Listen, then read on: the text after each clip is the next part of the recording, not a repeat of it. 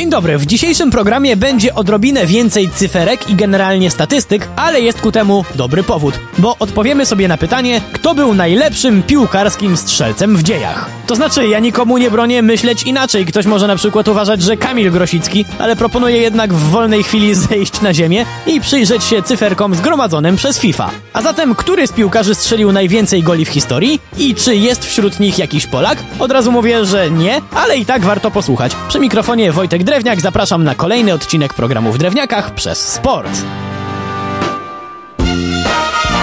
Według oficjalnych danych FIFA tylko dwóch piłkarzy w dziejach zdobyło ponad tysiąc bramek w swojej zawodowej karierze. Obaj zresztą są Brazylijczykami. Chodzi o Pele i Romario, jednak inne źródła sugerują, że takim osiągnięciem poszczycić się może jeszcze trzech innych gości, ale od początku. Chociaż nie, bo Pele to temat na oddzielne spotkanie. Na dziś wystarczy nam informacja, że w karierze strzelił 1281 goli.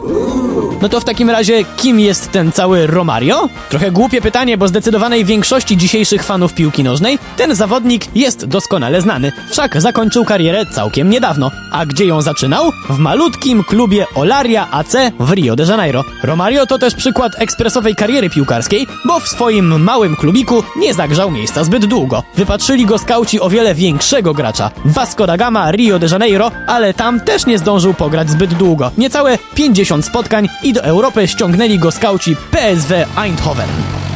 Tam posiedział przez 5 lat, a potem stał się częścią, a wręcz filarem legendarnej Barcelony. Wielu piłkarzy po zakończeniu występów na legendarnym katalońskim stadionie Camp Nou triumfalnie powiesiłoby buty na kołku, ale nie Romario.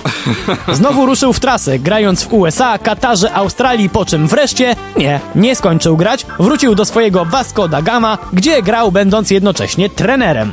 Miał krótki epizod, kiedy uznał, że chce się jednak skupić na byciu wyłącznie trenerem, ale w 2009 roku stwierdził, że jeszcze na chwilę wróci pograć w Ameryka Rio de Janeiro, żeby spełnić marzenie ojca. Całkiem imponująca kariera, ale nas dziś interesują cyferki. Ile goli strzelił Romario? 1006. Warto też odnotować, że w roku 2008 Romario wydał DVD z bramkami, które uważa za swoje najładniejsze. Na dysku znalazło się jakieś 900, więc Romario musiał się uważać za całkiem spełnionego piłkarza.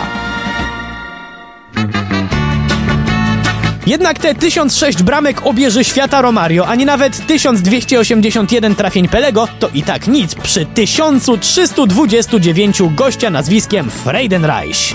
Nie dziwi mnie wcale lekkie zdziwienie na wielu twarzach w tej chwili, no bo jak to? Taki piłkarz, a ja pierwszy raz słyszę nazwisko tego niemieckiego kanoniera? Warto tutaj wiedzieć dwie rzeczy. Gość przez całą swoją karierę grał w Ameryce Południowej, stąd nie został europejską legendą, a po drugie to żaden Niemiec, a czego raczej po nazwisku Freidenreich byśmy się nie spodziewali, Brazylijczyk. Historia rodzinna też jest tu godna wspomnienia, bo jego matka była skromną praczką pochodzącą od wyzwolonych niewolników, a ojciec niemieckim przedsiębiorcą. Tu jednak ciekawostki się nie kończą, bo właśnie turbostrzelec Freidenreich był pierwszym ciemnoskórym zawodowym piłkarzem w Brazylii. Wcześniej ten sport zdominowany był przez białych.